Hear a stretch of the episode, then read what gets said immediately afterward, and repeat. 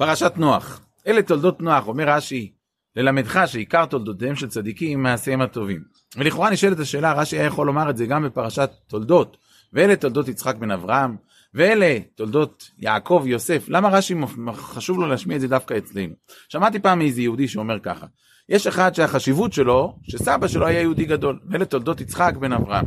יש אחד שהייחוס שלו, שהילדים שלו הם אנשים גדולים וחשובים, ואלה תולדות יעקב יוסף. אבל הדבר הכי חשוב זה, ואלה תולדות נוח, נוח. זאת אומרת, מה אתה באמת עושה.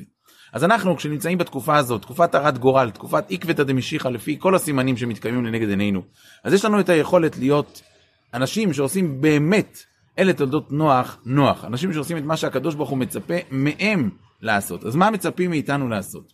אומרים לנו חז"ל, על הפסוק, אחר ישובו בני ישראל וביקשו את השם אלוקיהם ואת דוד מלכם, ופחדו אל השם ואל טובו באחרית הימים.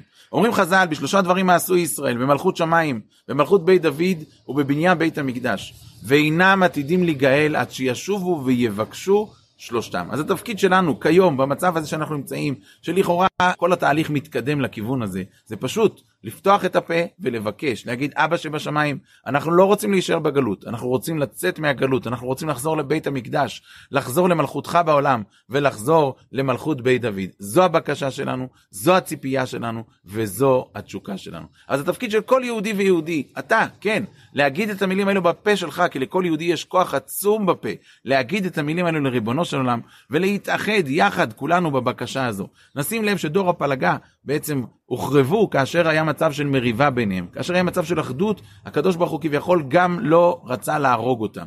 אז ננצל את הכוח הזה ונתאחד ביחד כולנו עם בקשה אחת ויחידה למלך העולם, אבא שבשמיים. תחזיר אותנו לציון עיר קודשך ותפארתך, תחזיר אותנו לבית המקדש ותחזיר אותנו למלכות בית דוד במהרה בימינו. אחר ישובו בני ישראל וביקשו את השם אלוקיהם ואת דוד מלכם ופחדו אל השם ואל טובו באחרית הימים. שבת שלום ובשורות טובות.